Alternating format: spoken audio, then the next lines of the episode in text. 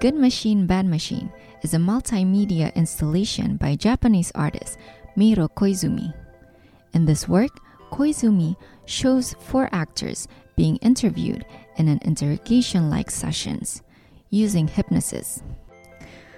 The key to this mechanism of accepting language modes is the existence of authority over the individual.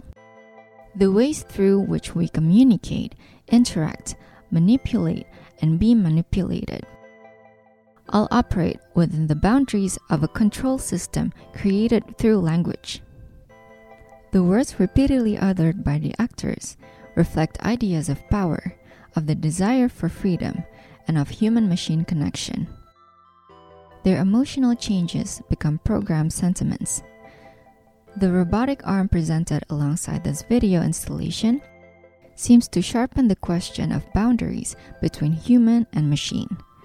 How authority and technology daily shape our minds and desires as people. Behind these three videos is a video projection which Koizumi has filmed for a span of 11 years.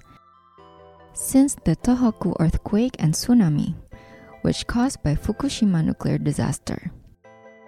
Serving as though a backdrop, these snippets of various public activities in Japan connects the concepts of control mechanisms with social realities.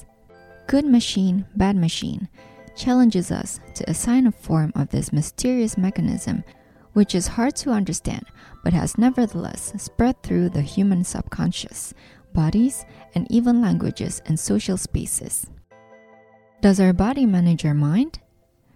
Does the physical dictate the mental?